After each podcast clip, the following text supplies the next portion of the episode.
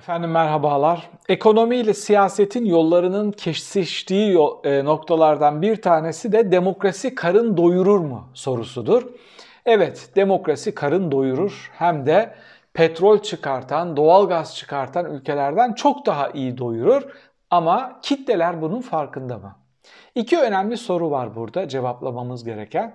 Bir yandan muhalefetin yeni çıkışlarını görüyoruz. Demokrasiye vurgu yapıyorlar, özgür medyaya, bağımsız yargı kuruluşlarına, kurumların özerkliğine, işleyen bir demokrasiye, yüksek seçim kurulunun yeniden yapılandırılmasına vesaire. Ama hepimiz şunu çok iyi biliyoruz. Daha doğrusu okuyan, yazan, siyaset bilimini tartışmaya çalışan aktörlerin tamamı şunu çok iyi biliyor. Türkiye'de çok geniş kitlelerde bu malın alıcısı yok. Yani medya özgürmüş, sanki o medyanın sorunuymuş gibi. İşte bağımsız yargı varmış, yokmuş. O sanki yargının bağımsızlığı ve orada çalışanların sorunuymuş gibi hadiseye bakılıyor. Ya da başı belaya, yargıyla belaya düşenin sorunuymuş gibi ya da başı medyayla dara düşenin sorunuymuş gibi bakılıyor. Özetle demokrasinin olmazsa olmazları olan ve refah toplumuna ulaşabilmemiz için olmazsa olmaz çok önemli maddelerden olan bu e, konuların yeterince tartışılmadığı, daha kötüsü yeterince alıcısının olmadığını gözlemliyoruz. Peki Kılıçdaroğlu'nun ve diğer muhalif partilerin yaptıkları yanlış mı? Bunun üstünden söylem geliştirmeleri yanlış mı? Hayır, yanlış değil ama eksik. Bunu en az bu şiddette, bu güçte ekonomiyle birlikte ilintilendirip halka öyle anlatmaları gerekiyor. Yani özgür medyası olmayan, özgür, bağımsız adalet sistemi, yargı sistemi olmayan, şeffaf ve hesap verebilir bir siyasi mekanizması olmayan toplumlar er geç iflas ediyorlar. Hepsinden önemlisi şu, çok basit bir soru soruyorum ben. Hala AKP'yi destekleyen biriyle tartıştığım ya da konuştuğum zaman. Bana Erdoğan'ın aldığı kararı durdurabilecek, geri çevirebilecek, denetleyebilecek bir tane kurum ismi söyleyin. İşte bunu çıkıp hiç kimse söyleyemiyor çünkü böyle bir kurum yok. Böyle bir kurumun olmadığı yerde iflas kaçınılmazdır. Peki soruya geri dönelim. Demokrasi karın doyurur mu? Demokrasi karın doyurursa hangi şartlar altında ve hangi çerçevede karın doyurur? Bu konu hakkındaki görüşlerimi özetliyorum.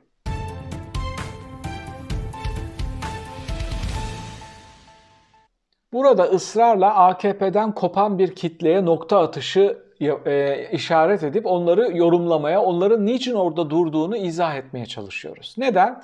Bu kitle demokratik ve hukuki referanslarla değil, daha az kazandıkları için, çoluk çocuğu iş bulamadığı için, kendileri işini kaybettiği için ya da kazandıkları paranın alım gücü çok fazla düştüğü için AKP'den koptular. Özetle demokrasi, Avrupa Birliği, çoğulcu toplum, Kürtlerin, Alevilerin haklı vesaireden dolayı değil, bu tür tartışmalardan dolayı değil, sadece ekonomik olarak zor duruma düştükleri için AKP ile yollarını ayırdılar ama bir parti ile henüz anlaşmadılar, oraya yönelmediler.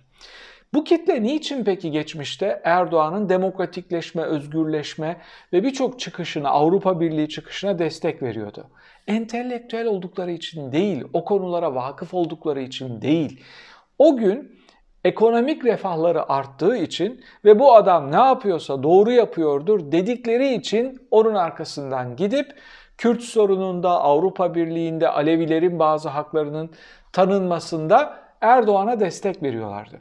İşte ben Erdoğan'a bunun için iki kere kızıyorum. Birincisi ülkeyi batırdığı, otoriterleştiği ve bir çıkmaza girdiği için. İkincisi bu kitlenin güvenini kazanabilecek muhafazakar bir aktöre demokrasi adına ihtiyacımız vardı.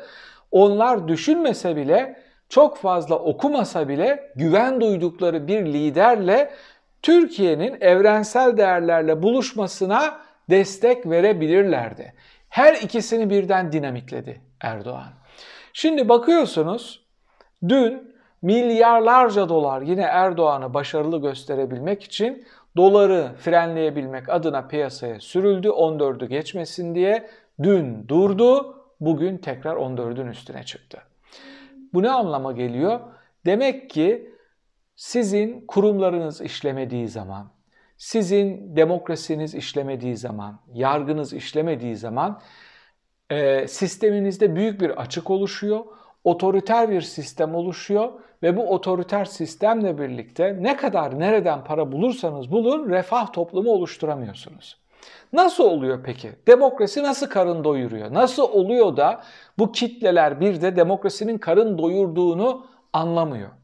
Şimdi uluslararası bazı endeksler var. İşte hukukun üstünlüğü endeksi, demokrasi endeksi, e, medya özgürlükleri endeksi, yolsuzluk endeksi gibi bağımsız kuruluşların devletlere adeta karne verdikleri endeksler var. Burada ülkeler bazı puanlar alıyorlar, notlar alıyorlar. Bununla birlikte Fitch gibi, Moody's gibi 3 tane çok önemli rating kuruluşu var. Bunlar da ekonomik puanlama yapıyorlar. Şimdi yatırım yapmadan önce şirketler geliyor, uzun doğrudan yatırımı kastediyorum. Borsaya girip çıkmak değil. Yani gelecek, ülkende fabrika kuracak, üretecek, seninle birlikte aynı kaderi paylaşacak, vergi ödeyecek, istihdam sağlayacak, aynı zamanda para da kazanacak. Ama sana da kazandıracak. İhracat yapacak, oraya girdi sağlayacak vesaire. Şimdi yatırım yapmadan önce dev şirketler bakıyorlar. Yolsuzluk endeksi çökmüş. Sahtekar adamlar. Bir şeffafiyet yok, hesap verebilirlik yok. Bir AKP'li hayduta hesap sorabilecek bir hakim, bir polis yok. Buraya girer misin? Girmiyorlar. Daha önce girmiş olanlar bir yolunu ve alternatifini bulduğu zaman arkasına bakmadan kaçıp gidiyor. İşte bakıyor medya özgürlükleri, yargı özgürlüğü. Buraya girer misin? Girmezsin. Aleyhinde bir haber çıkar. Bir AKP'li aktör sana rakip olur. O da bir fabrika açar. Senin aleyhinde habire medyada propaganda yaptırtır, rezil eder medyanı, markanı, firmanı batırır, hiçbir şey yapamazsın. Yargı işliyor mu? Siyasetin iki dudağı arasında mı? Perinçey'in dediği gibi siyasilerin köpeği mi olmuş yargıçlar, hakimler? Eğer köpeği olduysa gerçekten onun dediği gibi o ülkeye kimse girmez.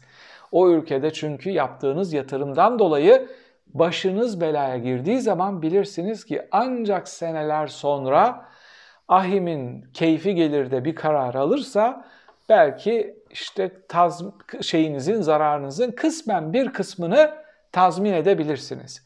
İşte tüm bu endekslerde Erdoğan çakıldığı için tüm bu endekslerde Türk İslam sentezini destekleyen ve okumadan, yazmadan yarı tanrı gibi liderlerine taparcasına arkalarından gidenlerin kurduğu sistem çöktü ve kimse bu ülkeye gelip yatırım yapmıyor. Burada tatilini yapmıyor.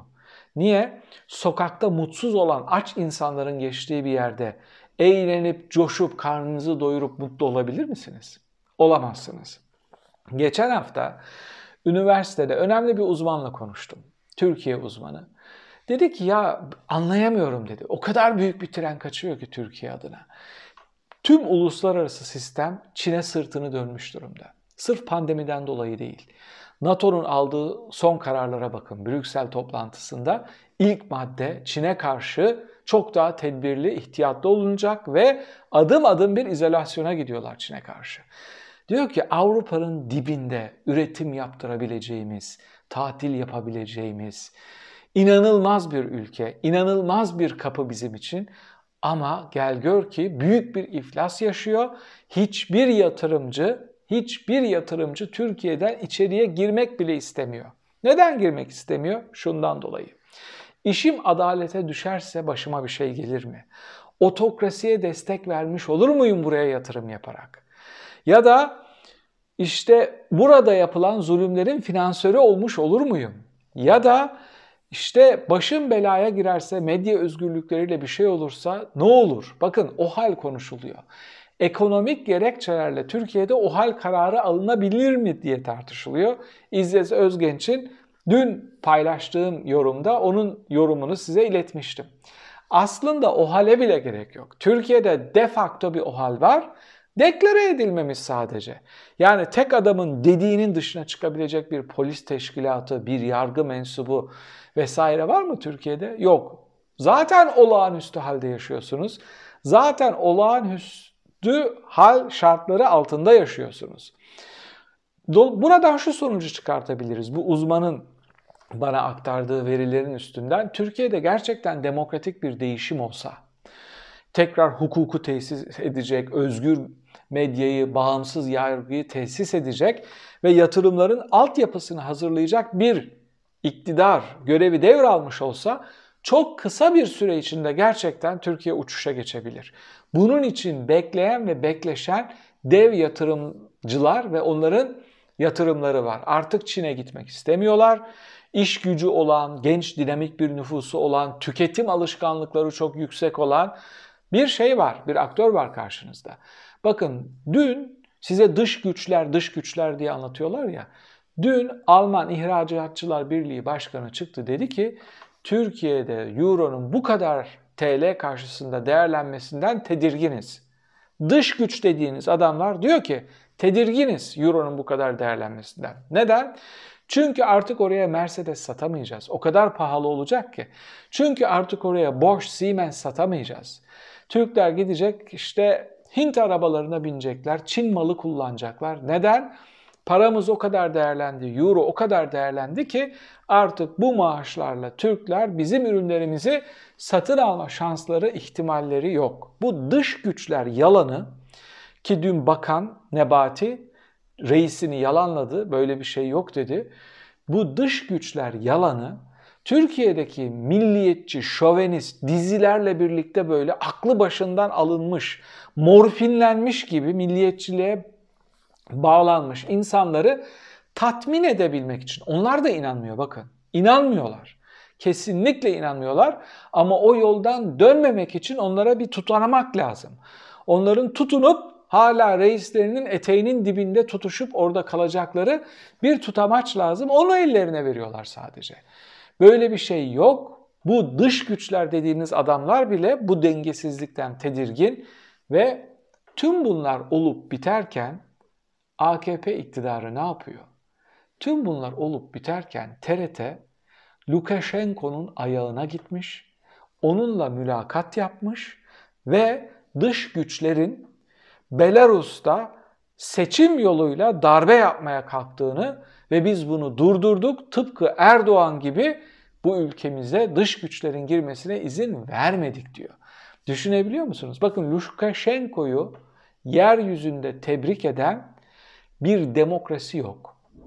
Lukashenko'yu NATO üyesi olup Avrupa Birliği tam üyelik müzakerelerini sürdüren ülkeler arasında böyle bir statüsü olup tebrik eden bir lider var.